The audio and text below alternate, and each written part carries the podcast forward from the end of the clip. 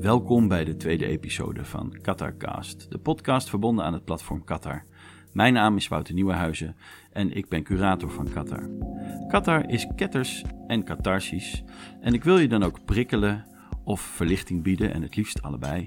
En dat wil ik onder andere doen door het maken van deze podcast. Beloofd was een gesprek met kunstenares en rabbijn Nava Tehila Shmulik Livingstone, maar de geluidsopnamen van dat gesprek waren dermate slecht dat ik een nieuwe afspraak heb staan met Nava Tehila en dat gesprek hou je dus nog van me te goed.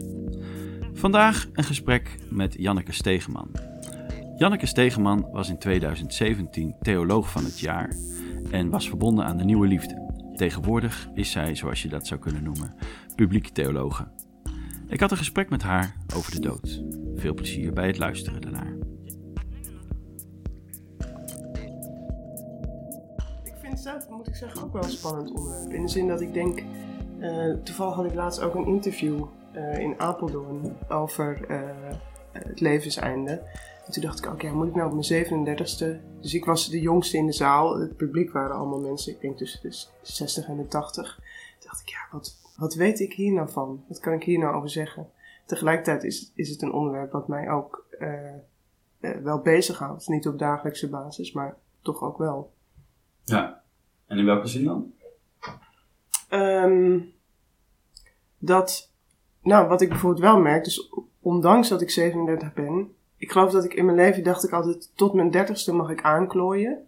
En het was dus mijn, gedurende de tijd dat ik nog in de twintig was, was dat een hele relaxed en bevrijdende gedachte. Dus het maakt nog niet zoveel uit. Ik maak nog geen definitieve keuzes. Maar het betekent wel dat sinds ik 35 ben, dat ik denk: oké, en nu, uh, dus dit is hoe ik mijn leven heb vormgegeven. Um, en, uh, en, en is dit het dan? Of doe ik nu de dingen die ik echt wil doen? Um, en, en ook die gekke gedachte van: uh, jeetje, ik heb echt maar één leven. Dit is, dit is mijn leven en dit is het ook. En uh, dus tegelijkertijd, wat ben ik blij dat ik leef en wat vind ik het leven mooi. Um, en ook, um, ja, is ook die gekke gedachte van het, het is zo tijdelijk. Het is zo uh, uiteindelijk maar zo kort. Ja, er was er ook een moment dat je, dat, dat, want je beschrijft een, een, een gedachtegang. Het ja. voortschrijdend inzicht? Of was er een moment waarop je dacht, oh shit, nu moet ik? Of... Nou, dus dat had wel te maken dat mijn uh, contract eindigde bij de Nieuwe Liefde bijvoorbeeld. En dat ik dacht, um, dus dat was wel zo'n soort moment uh, dat ik me even opnieuw moest bepalen. In ieder geval ten opzichte van mijn werk. Uh, dus, um, ja, zo, dus wat wil ik nu hierna gaan doen? En um, ja, welke kant wil ik op? Ja. ja. Dus ook een beetje zo'n soort onzeker gevoel van, oh ja, een beetje een stuurloos gevoel misschien ook. Dus aan de ene kant, um, ik, ik vind dat ik heel erg. Dus dat ik bijvoorbeeld theologie ben gaan studeren was een soort toevallige keuze. Waar ik wel echt, waar ik ongelooflijk gelukkig mee ben. Dus ik ben heel. Um, ik voel me heel rijk met uh, wat me tot nu toe ten deel is gevallen in het leven. En wat ik tot nu toe uh, heb geleerd en hoe ik ben veranderd. Um, dus in, zekere zin heb ik altijd een groot vertrouwen gehad van het gaat wel ergens heen. Uh, en dit was dan zo'n moment dat ik dacht, is dat nou echt zo? Uh, en, en ik denk ook wel in het bredere licht van, um, dus ik ben veel met uh, rechtvaardigheid en onrecht bezig. dus dat is ook steeds een confrontatie met, um, met mijn eigen, zeg maar, geluk. en de toestand voor heel veel mensen die helemaal niet zo um, plezierig is. Kijk, de dood. Um, bijvoorbeeld, ik was bij een begrafenis van iemand uh, die uh, heel oud is geworden en een mooi leven heeft gehad. En dan is, vind ik de dood iets heel anders dan um, uh, als je niet. Dus als je niet tot bloei hebt kunnen komen in je leven, of als je niet een, een, een leven hebt kunnen hebben wat de moeite waard is. Dus voor mij is het dus zeg maar mijn gedachte, jeetje, het leven is ook maar kort. Uh, dat is nog weer iets heel anders dan um, uh, uh, iemand die vroeg overlijdt of iemand die in weet ik veel wat voor omstandigheden leeft. Ja. Wat, en wat is de dood? Hoe zou je die omschrijven? Ja, geen idee. Dat is echt. Ehm, ik was erbij toen mijn eh, oma overleed, de moeder van mijn moeder. En ik was toen begin twintig, denk ik. En eh, zij was een hele gelovige vrouw en zij was bang om te sterven. Dus ze was eh, een van de liefste mensen die ik ken. Ehm, maar ook opgegroeid met een godsbeeld eh, van, ja, dat, dat angstig was. En daar was ze ook gevoelig voor, dus dat last van depressies.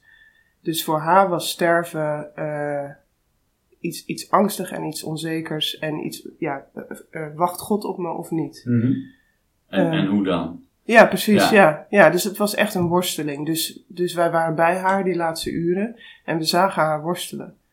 En, ehm, en we dachten steeds, oh nu, ehm, ja, dit is het moment. Weet je, dus haar adem stokte steeds en ging toch nog even door. En, eh, en toen opeens was het moment dat haar adem stokte en dat ze niet meer begon te ademen. En, en toen dat gebeurde, realiseerde ik me, nu is ze er niet meer.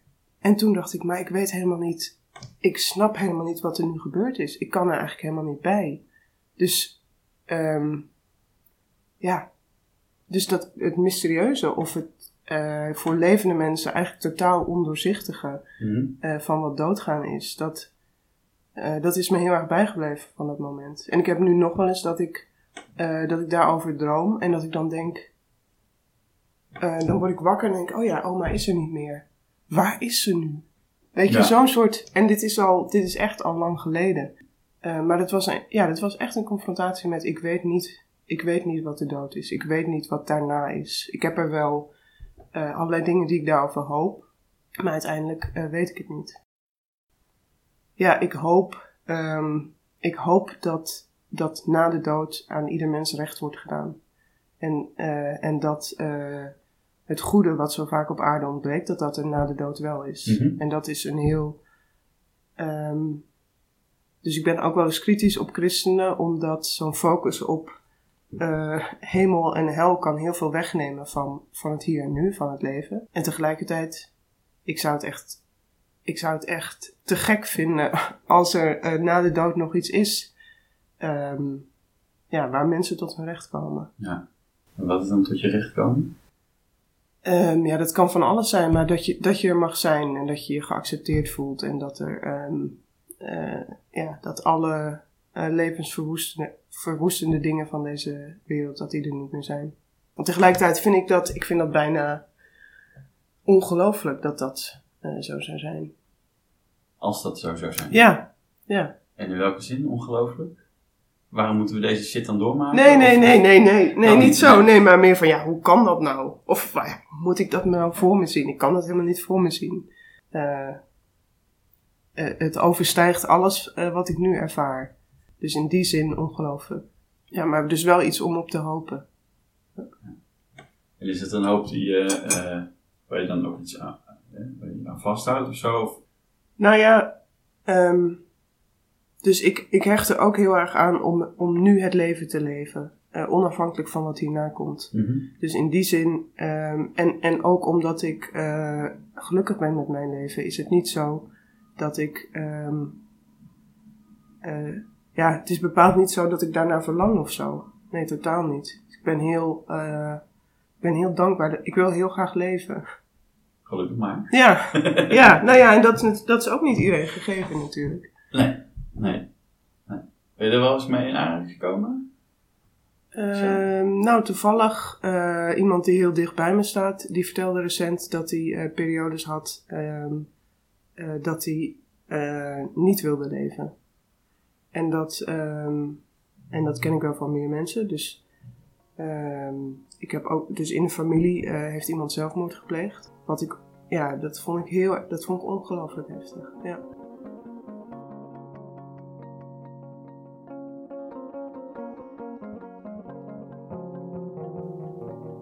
Is er een taboe rond de dood? ja, absoluut. Ja? ja. Wat Ja. is dat? Ja, alleen al dat we ehm, bijvoorbeeld in ziekenhuizen, dat je in ziekenhuizen zie je alleen levende mensen en als mensen doodgaan, dan worden ze onzichtbaar naar de kelder gebracht. Dus de dood eh, is volgens mij een enorme confrontatie. Ehm, en iets waar we moeilijk met elkaar over praten. Dus zeker, ehm, ik denk dat rouw nog wel redelijk bespreekbaar is. Dus iemand missen die is overleden. Mhm. Maar ehm, eh, angst voor de dood, verlangen naar de dood. Ik denk vooral verlangen naar de dood. Dat dat echt een heel, dat dat een lastig onderwerp is. Ook wel logisch, omdat het voor, eh, ja, ik denk dat we dat helemaal niet graag willen horen. Dus ehm, mensen die het leven zwaar vinden en die verlangen naar de dood, ja, dat willen we denk ik zo, zo, ja, zo ver mogelijk wegstoppen. Omdat het zo'n, ik denk omdat het leven voor iedereen uiteindelijk ook lastig is.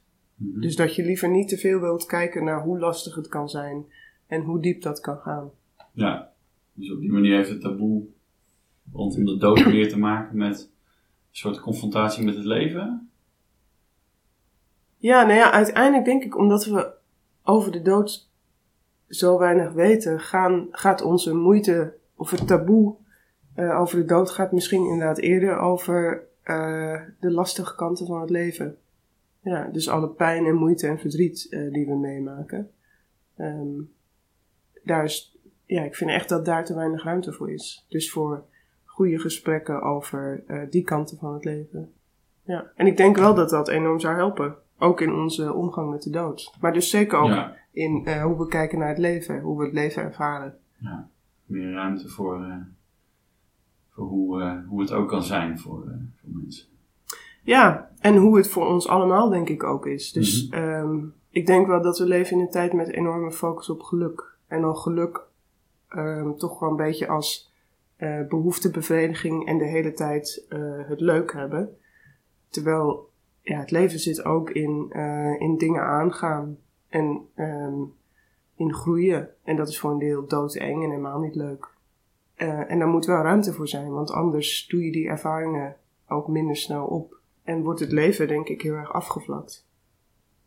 Dus weer een soort hedonistisch geluk is eh voert de boventoon Ja. of zo. Nou, toevallig, ik heb me net een beetje verdiept in eh, het hedonisme. Mhm. En dat ging juist niet over onmiddellijke behoeftebevrediging. Eh, maar wel over het idee dat je alle, alle vervelende gevoelens zoveel mogelijk moet vermijden. En dat is denk ik, ehm, dat is gewoon onhaalbaar. En dat leidt ook niet, dat leidt zelfs ook niet tot geluk. nee. Maar doe, ja, het leven is ook, we gaan allemaal dood. Dus het leven is ook rouw en afscheid nemen. En dat kan je niet, ehm, als je dat uit de weg gaat, kun je volgens mij ook niet diep geluk ervaren. Nee.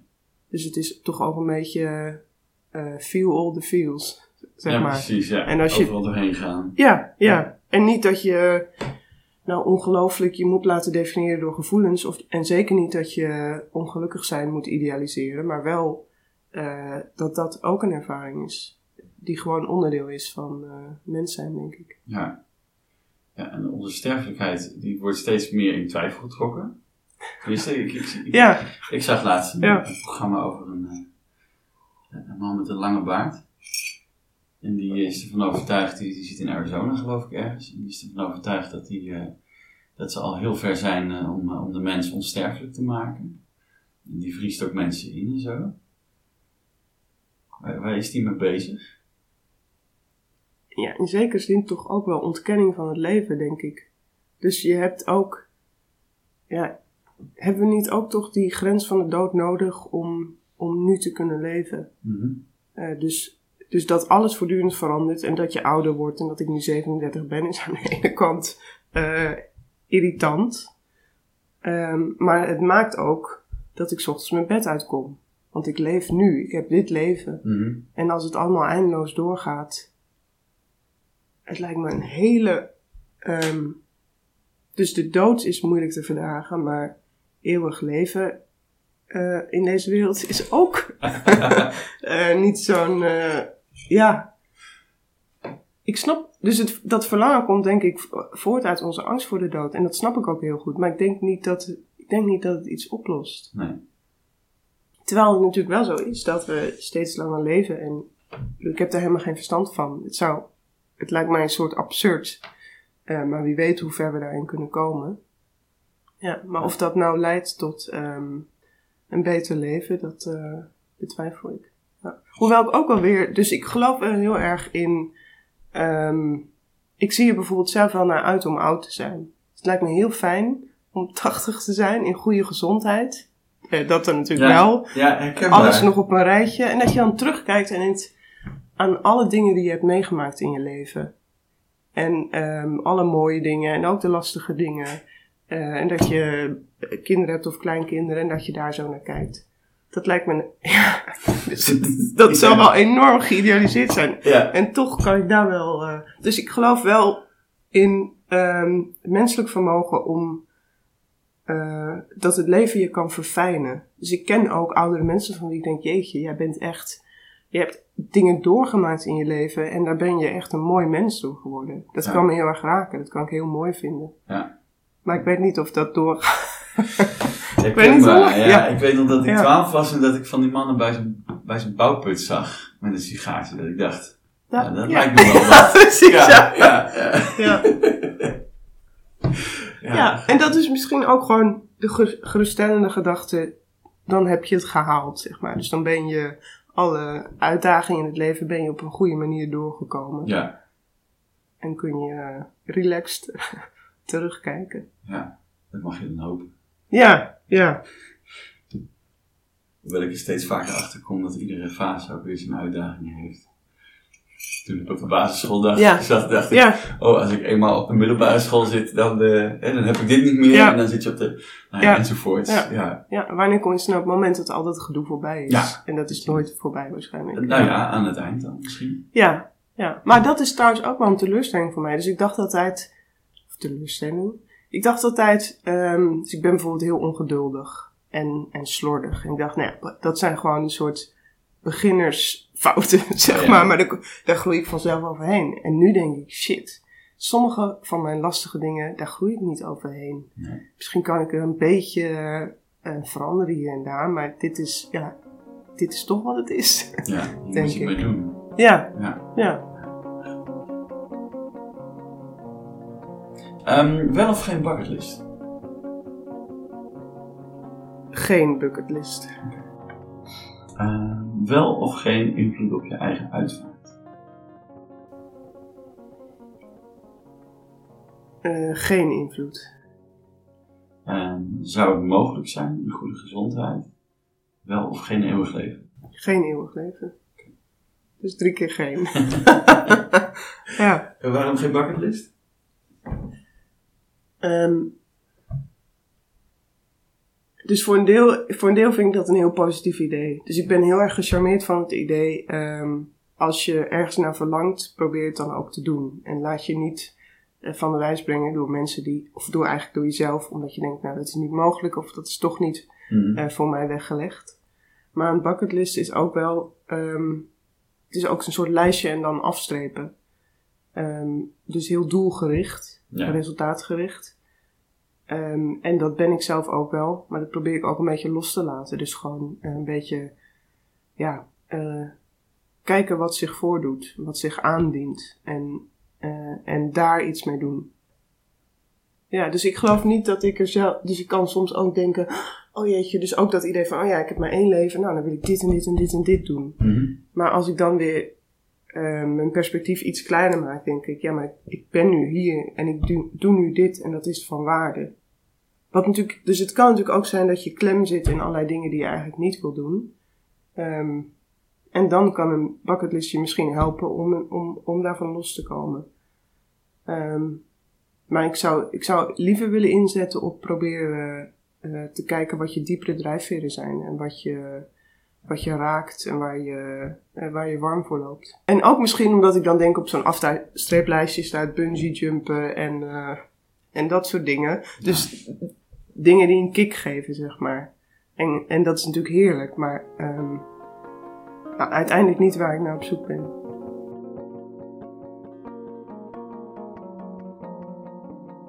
Ik ben daar niet alleen naar op zoek voor een deel. ehm, tref ik dat ook aan. Eh, dus, dus ja, leven in overeenstemming met ehm, wat ik van waarde vind en wie ik ben, dus wat, wat bij mij past.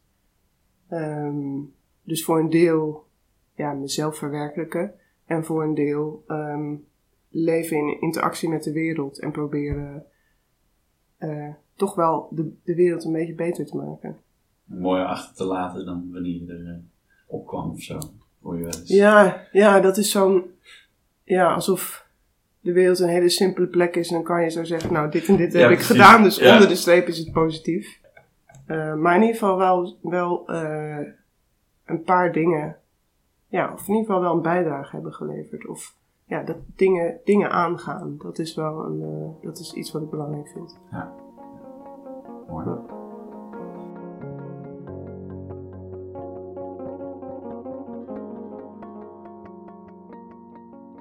Geen invloed op je eigen uitvaart. Nou, ik aarzelde een beetje, want ik dacht, ik zou bijvoorbeeld wel ehm, me kunnen voorstellen dat ik vraag aan iemand, als ik overlijd, zou jij nou mijn uitvaart willen doen? En dan, dus dan eh, vertrouw ik dat toe aan diegene en dan denk ik, dat komt wel goed. Maar ik vind ook, ehm, afscheid nemen is voor de nabestaanden. En niet, ehm, dus ik kan niet mijn eigen afscheid bepalen. Dus mijn nabestaanden wil ik graag dat die bepalen ehm, hoe ze van mij afscheid nemen en wat, wat voor hen passend is. En als ze, dat, als ze daar dingen in doen. Dus ik moet denk ik zorgen dat ik een beetje schappelijke nabestaanden heb met een goede smaak. maar nee, dus dat, ehm, ja. En ik, dus ik denk natuurlijk ook, als ik zelf nabestaande ben en iemand overlijdt, wil ik ook recht doen aan diegene. Dus het is denk ik altijd een balans vinden tussen recht doen aan diegene en eh, afscheid nemen op een manier die, ehm, die ook voor jou passend voelt. Ja. Ja. Ik ken maar. Heb je, heb je wel eens eh, een, een uitvaart meegemaakt dat je dacht, oh nee. Eh, ja, ja.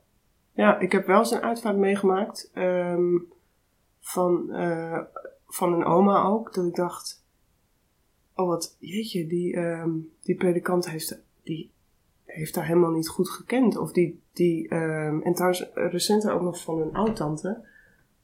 Ehm, en dat, vond, dat was echt, eh, ja, dat bleef ik echt met een nagevoel zitten. Dus, dus als je er in een uitvaart niet in slaagt om, ehm, om diegene eh, neer te zetten, dat is wel eh, pijnlijk, vind ik. Ja. Ja. Ja. Ja. Het eeuwige leven, daar hadden we natuurlijk eerder al even Ja. over. ja. Maar stel je kunt dat met een, met een 25-jarig lichaam. En eh, al je mogelijkheden nog voor je. Ja, maar ja, ik ben ook blij dat ik geen 25 meer ben. Eh, ik, ja, dus hoe meer ik eh, meemaak in het leven, hoe beter ik dingen vat en mezelf begrijp, of inzicht heb in mezelf, hoe ehm, ja, makkelijker het wordt, of ja, hoe rijker het wordt misschien. Dus ja, dus eeuwig leven, ja, dus inderdaad eeuwig 25, nee. Maar ehm eh 624 zijn is, Ja. ja. nee, dus ik heb toch, ehm, hoewel ik, ja, ho- hoewel ik het, ik zou het, ik kan ook niet zeggen, nou, als ik 80 ben, dus als ik moet kiezen of je, je overlijdt op je 73ste of een eeuwig leven, dat is alweer een lastigere keuze. Ja. Nou ja, en het, ook wat betreft eh, eh, duurzaamheid, de aarde kan het helemaal niet verdragen. Nee, is een hele praktische inderdaad. Ja. Ja, dus het heeft ook misschien wel iets. Ja, heeft het nou iets egoïstisch? Of kan je dat niet zeggen omdat uiteindelijk de dood voor iedereen lastig is? Ja. Maar ja, als je denkt aan eh, hoe oud. Ja, al zoveel generaties mensen die komen en die gaan. En dat jij dan degene bent die zegt: Ik doorbreek het. Ik blijf. Ja, Ja. en je kunt wel zeggen. Ja. Ja. En je zal maar de eerste zijn. Ja. Dat zullen ze je niet geloofd hebben, maar toch. Ja. Ja. ja. Ja. Is er iets wat, wat gedraaid moet? Ja, je zegt het geen, geen invloed. Wat, eh, de dood is een, is een eindeloze inspirator voor heel veel kunstenaars. Is er, wat, wat is nou het mooiste nummer over de dood? Mooiste muziek? Om eerlijk te zijn, ik ken eigenlijk geloof ik helemaal niet zoveel muziek over de dood. Oké. Wat zou er op je, op je, op je uitvaart gedraaid? Nou ja, moeten, dat hebben we net besloten dat dat Ja. niet moet. Maar wat zou passend zijn? Ehm, nou, we, we hebben nu net eh, Pasen achter ons gelaten en ik luister altijd de hele stille week eh, luister ik ehm Oosters-orthodoxe paasmuziek, Oké. gezongen door Fairouz. Ehm, en daar zit, eh, ehm, daar zit bijvoorbeeld een lied bij Uh, Kemet Mariam heet het. Dus het gaat over Maria die onder het kruis staat. Mhm. Het is dan wel weer een beetje gek om dat op je eigen begrafenis te doen. maar dat is wel... Het, ehm, het staat wat mater, eh, maar dan... ja, precies. Ja. In het Arabisch. Dat is wel... maar goed, dat is wel... Dat is hele dierbare muziek voor mij. Die ook wel gaat over leven en dood.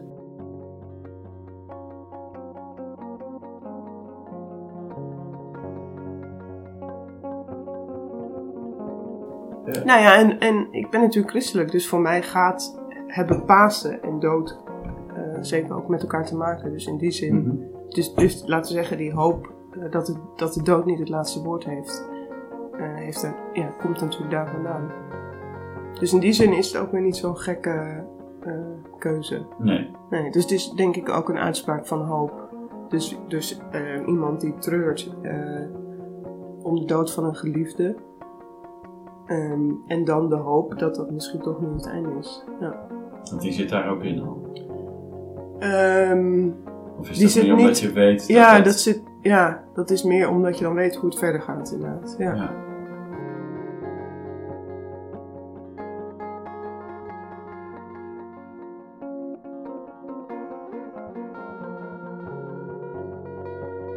Dus het is, het is een geloofsverhaal en niet een. ehm, ja, je kan denk ik. Paas, paas wordt in zekere zin ook vlak als je zegt, nou, dus eh hoppatee, dit.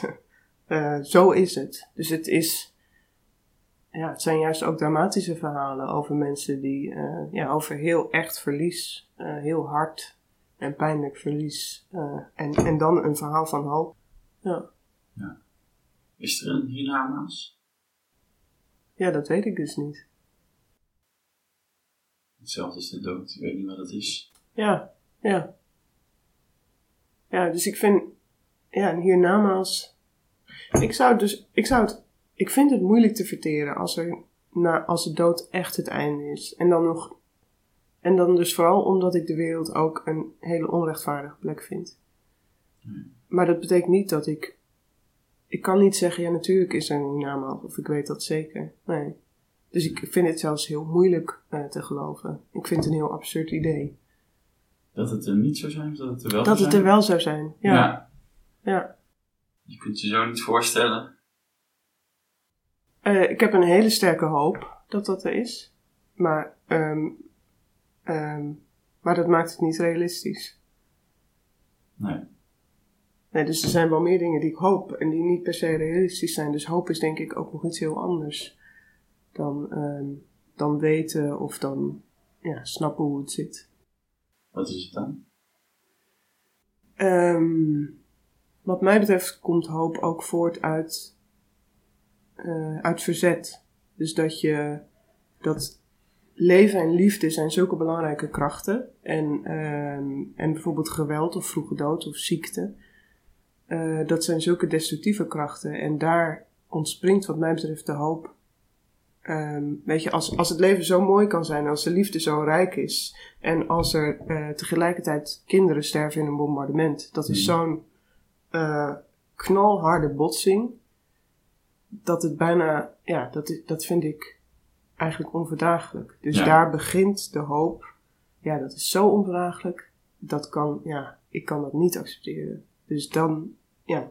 eh, en, en er is dat verhaal eh, dat mij ook draagt. Dus het paasverhaal, dat dat niet het einde is. En ja, Mhm. dus dat is, eh, dat is hoop.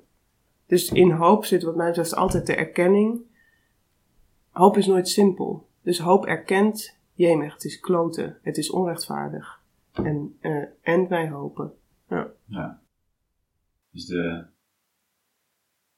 Bijna een soort aanklacht van dit... Maar het moet toch ergens zin hebben of functie hebben? Nou, niet functie. En, en misschien ook niet zin, maar wel, ehm, zo mag het niet zijn. Ja. Ja, dus functie vind ik alweer een lastig woord, omdat dat Mhm. maakt alweer een soort, een leven moet doelmatig zijn. Ja. Ja, maar hoop is wel, is ook altijd protest, denk ik.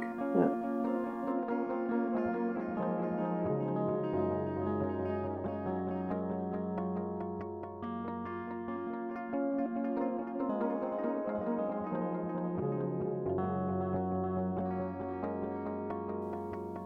the afterlife is, is the lives of those who come after me. Kun je daar, uh, kun je deze voorstellen? Ja, ja. Ja, dus voor mij wel. Voor mijzelf wel. Ik kan me er iets bij voorstellen. Ja. Mhm. Ja, maar ik, maar ik... Ja. Dus dat is een... ehm, maar dat gaat wat mij betreft wel over een leven dat ook echt geleefd is. En, eh, en mijn hoop op het hiernamaals heeft dus meer te maken met eh, alle afgeknepen levens. En dan is dus ook... eh,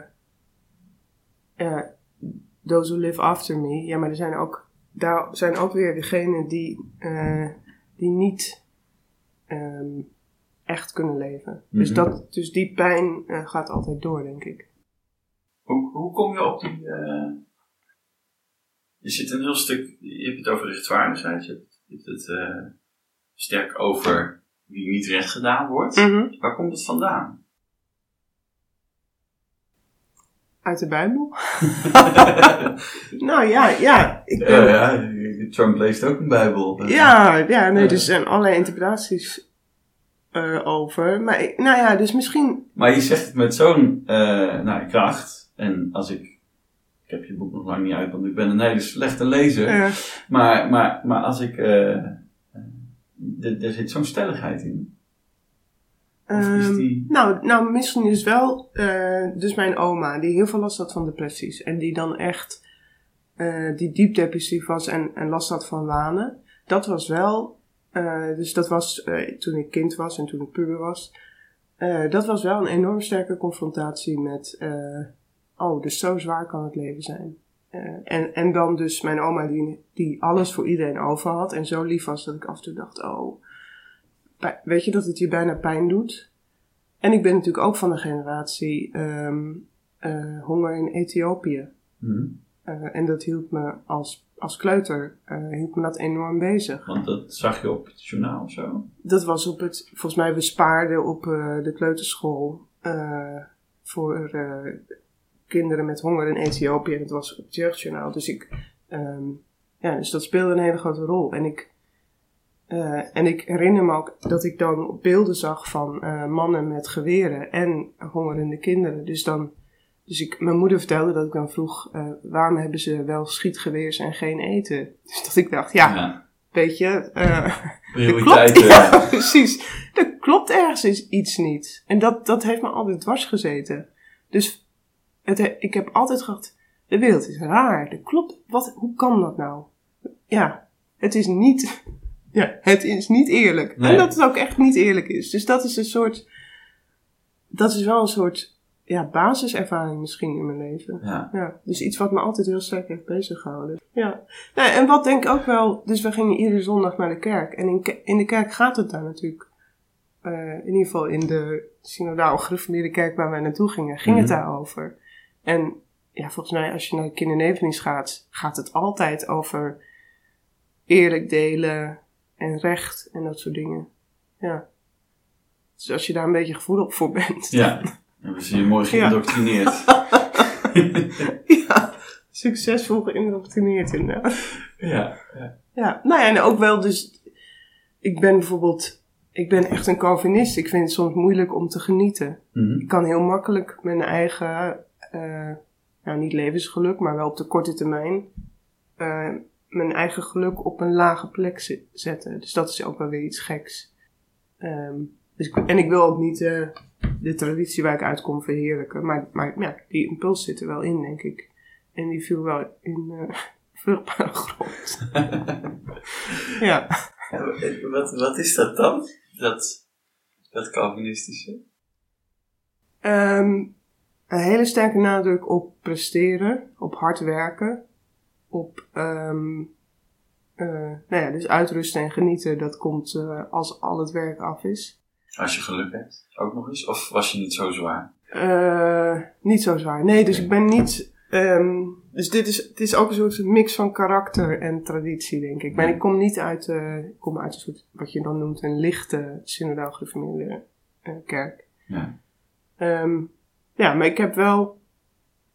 ehm, ik moet mezelf er soms wel aan herinneren. Oh ja, Janneke, jij mag het zelf gewoon ook leuk hebben. Ja. Weet je, je hoeft niet. ehm, eh, zo hard hoef je nou ook weer niet te werken. Of eh, relax, het Mhm. komt wel goed. Dat is wel. eh, dat heb ik niet van nature. Nee. En zit dat wel eens in de weg? Of, Ja, nee, dat zit me in de weg. Ja. en waar merk je dat dan? Dat ik me veel te druk maak om dingen. Of dat zeg maar, mijn be- mijn bezorgde kant het overneemt. En, eh, eh, en ik dingen veel te groot maak. En daarmee ook mijn eigen rol eigenlijk veel te groot maak. Dus, ik, dus, ehm, ja, dus een van de redenen waarom ik zo hou van, van Pasen en van die hele voorbereidingstijd is ook dat het. ehm als ben je en tot as zul je wederkeren. Vind ik zo'n super relaxed zin. Relaxed te zitten. Ja, omdat ik denk, oh ja, weet je, het brengt het allemaal even terug tot de juiste proporties. Weet je, ik hoef niet, ik hoef niet, ehm, ik ga de wereld niet redden. Ja, niet dat ja. ik dat denk, maar, maar weet je, in al dat bezigheid, al dat bezig zijn, dat harde werken zit natuurlijk een, een soort gekke overtuiging van, ehm, ik moet heel veel doen. Ja. Alsof we allemaal kleine messiasjes zijn. eh. Ja, ja, of in ieder geval allemaal de verantwoordelijkheid hebben om eh, tot, eh, tot het snot voor de ogen, tot je het snot voor de ogen hebt eh, door te werken. Dat is, eh, ja, dat hoeft niet. Nee. Nee. En lukt dat? Omdat, eh Dat lukt, nou, dat is nou wel een van de dingen. tijd? Of, eh, Ehm, soms een beetje laat, maar wel steeds vroeger. Dus dat is wel een van de dingen waar ik beter in word. ja. En dat komt ook wel omdat ik denk, ja, als ik, dus als ik ehm, ehm, leven en liefde zo belangrijk vind, betekent dat dat dat ook voor mezelf belangrijk is. Dus ik hoef niet mezelf met een zweep achterna te zitten, omdat ik vind dat leven en liefde zo belangrijk zijn. Dat is heel ehm, absurd en raar. Dus dat hoeft niet. Dus ik kan ook gewoon, ik, mag, ik ja, ik kan er ook gewoon zorgen dat ik zelf een eh, plezierig leven heb. Daar is niks mis mee.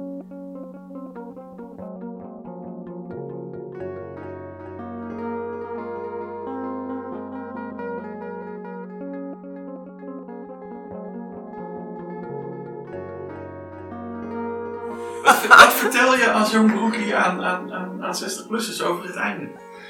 Nou ja, dezelfde dingen die, waar wij het nu over hebben, denk ik. Ja. Ja. Dus er zijn natuurlijk ook gewoon gedeelde vragen en gedeelde ervaringen. Waar je het juist... En ik doe voor een deel, ik hou ook van het gesprek tussen generaties.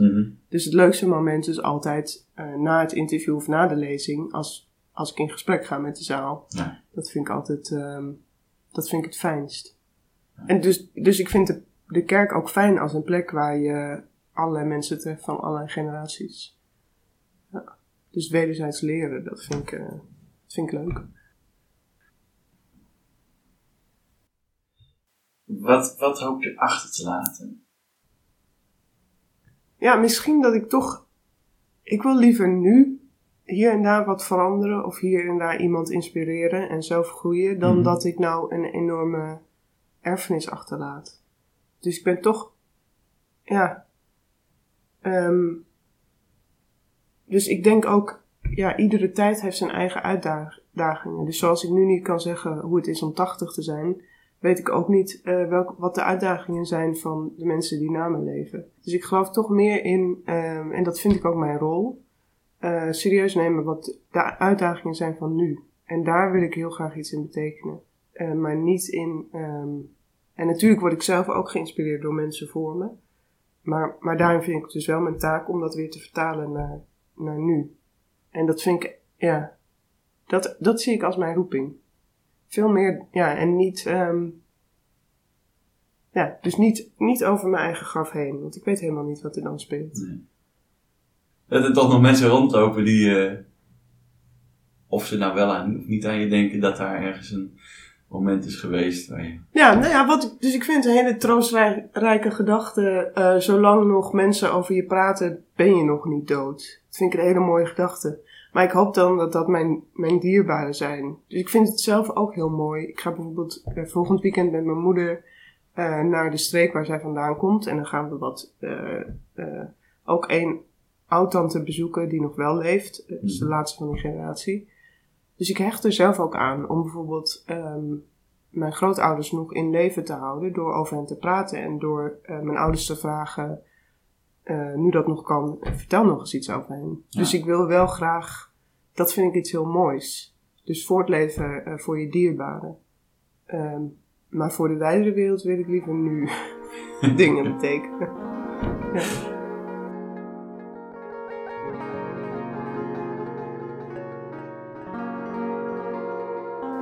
Sta jij ten opzichte van uh, het hiernamaals? Ik, ben, ik, ik heb heel lang gedacht dat er, ik ben lang van overtuigd geweest dat er een soort, uh, nou, een soort basis van dat het goed komt. En ik denk dat dat, ik, de, ja, dat linkt ik wel met, met het hiernamaals. Uh, en vreemd genoeg weet ik steeds minder tegenwoordig wat, wat goed dan überhaupt zou zijn. Uh, omdat het ook weer zo'n construct is van wat, wat is dat dan? En ik herken me wel heel erg in je, in je hoop op dat recht doen. En tegelijkertijd voel ik me steeds naturalistischer worden. Uh, het is klaar. En that's een andere, ja, en that's ja. it. En dat dat ook een soort nou ja, rust geeft of zo misschien. En tegelijkertijd, uh, als het zo zou zijn, super. Zo. Een soort extra uh, bonus. Ja, ja. Ja, bonus. En te, ja, nou nee. Oh man. Ik zou het ook stom vinden. Ik zou het ook stom vinden. Omdat het. Ja, hallo. Als je dan, als je dan nou verder gaat, wat dan? En zeker als het het. Uh, en dan moet je er maar vanuit gaan dat iedereen hetzelfde idee heeft bij een hemel. Kijk, bij een, bij een opeenvolging van levens. Als je kijkt naar een. een uh, ik ken niet helemaal hoe dat allemaal precies zit, maar mm. zoals het Hindoeïsme beschrijft. Uh, hoe, hoe, karma werkt en, en hoe je ja, misschien stappen maakt in levens. Daar kan ik wel mee. Maar het idee dat je één leven hebt en dat er daarna, eh, en of er dan ook een hel zit, interesseert me niet zo, maar dat er daarna dan, is er nog iets? Ja, wat hebben, waar hebben we dit dan voor gedaan? Ja, ja. Maar dat denk ik heel erg vanuit mezelf, want, want ik, ik, ja, als ik dan denk aan wat jij beschrijft, de mensen die dat niet zo geweldig als ik hebben of zo, ja. Dus ja, heel dubbel. Ik zou het geweldig vinden en heel stom. Ja, maar ik denk bij. Moet je nog een keer? Hoezo dan? ja, ja, ja. ja. ja um. En aan de andere kant, en stel je voor dat je nog een keer. Ja. Dan, ik wil echt niet in de heerlijkheid alleen maar zingen. Nee, nee, nee. Uh, wat, nee. Je, wat, je, nee. wat nee. En, en aan de andere kant, ja. Uh, een hele oude, oude serie. Uh, die, die erg lijkt op wat nu uh, Black Mirror is, Netflix. Mm. En die vertelt het verhaal over een, uh, over een misdadiger. Die wordt tijdens een bankroof wordt die, uh, doodgeschoten door de politie. Ja. En hij komt, hij komt bij en er staat een man naast hem die zegt, nou welkom. En nou hier is... en het eerste wat die bankrover doet is, is die man onder schot houden en zeggen: Geef me al je geld. En hij krijgt gewoon een hele volle portemonnee. En die vraagt: Wil je nog meer? En het gaat door. Want hij zegt, nou, laat me even naar je huis brengen. Een geweldige villa. En, en het casino. En, uh, en, en hij wint alles. En eerst is dat prachtig. Maar daarna gaat het maar door. En, en hij komt bij zijn gids en hij zegt, ik word helemaal gek, want ik win voortdurend. Ja. Ja. En dan zegt zijn gids, uh, oké, okay, maar hoe wil je, hoeveel wil je verliezen dan? En, en, uh, oh nee. en die bankrover wordt nog, nog gekker. En die zegt, ja maar, ja maar, hoe, ik, hoe kan ik nou een plek in de hemel krijgen? Zegt, ik heb zo geleefd en ik word hier helemaal gek. Hoe kan dit de hemel zijn? En die gast zegt, hoe kom je erbij dat dit de ja, hemel is? Ja. En dat is, ik vind het een prachtige beschrijving van hoe de hel zou kunnen zijn. Maar dat geeft voor mij ook weer dat, helemaal ik me niet helemaal niet kan voorstellen wat een hemel dan zou zijn. Ja. Want ik, ja, ik heb echt geen zin in de confrontaties die ik, uh, uh, die ik vorige week op mijn werk bij wijze van spreken had, om die weer door te maken. Maar ik moet al helemaal niet denken aan dat, dat, dat ik nooit meer zo uitgedaagd ga worden ja. of zo. Ja, dus dat, dus de hemel als een soort paradijs, ehm, dat werkt, ja, dat, dat is geen leven. Dus ik denk ook niet, in het paradijs word je echt niet gelukkig. Dat is doodsaai. En je kan inderdaad niet meer groeien. Dit is het gewoon. En iedere dag weer en iedere dag weer is ook een soort eeuwig leven. Ja. Dus, dus, um, dus daarom zeg ik ook, ik kan wel hopen op het hiernamaals, maar iedere voorstelling die ik daarvan heb schiet tekort. Nee. Dus ik kan me ook niet voorstellen dat zoals we nu zijn, uh, dat dat uh, nog doorgaat. Nee. Maar ja, hoe dan wel? Ja, ik, ja, dus daar kan ik echt niks verstandigs over zeggen. Behalve inderdaad dat zo'n voorstelling als, nou, de hemel, dat is alleen maar uh, Joegij en Holladier en alles is leuk en fijn en zingen. Ja, dat, uh, ja. ja, dat houdt niemand lang vol. Maar je moet wel, want het is eeuwig, ja. maar er moet recht komen. Zo, dat dan wel.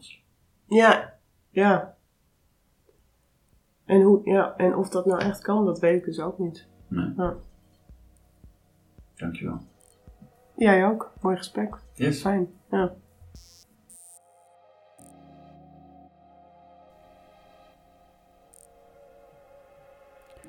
Dat was Janneke Stegeman.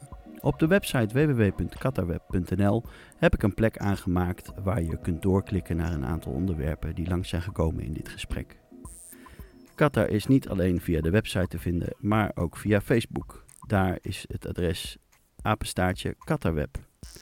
Ook op Twitter is Qatar te vinden onder de naam @qatartweet. En als je een mail wil sturen, dan kan dat ook. Stuur dat dan naar qatarweb@outlook.com. De volgende keer kun je luisteren naar een gesprek met filosoof Peter Rollins. You know, we're always moving. We're always, you know, we've got tasks, things that we want to achieve, and when we achieve them, they're never that satisfying. So hence we think of something else. So you know, somebody thinks if only I could make fifty thousand dollars a year, and then they make it, and then suddenly that's not that great, and they go, I want to make a hundred, and then two hundred, and a million, and three million, and five million, and you see this, this. There's no way to satisfy this. But what happens is we think the enjoyment is getting what we want. But actually, the enjoyment is in the striving and the working for it and the not getting what we want. And part of being human is is trying to realize that actually there's deep enjoyment in actually the struggle of life itself. And that's probably where the real satisfaction is.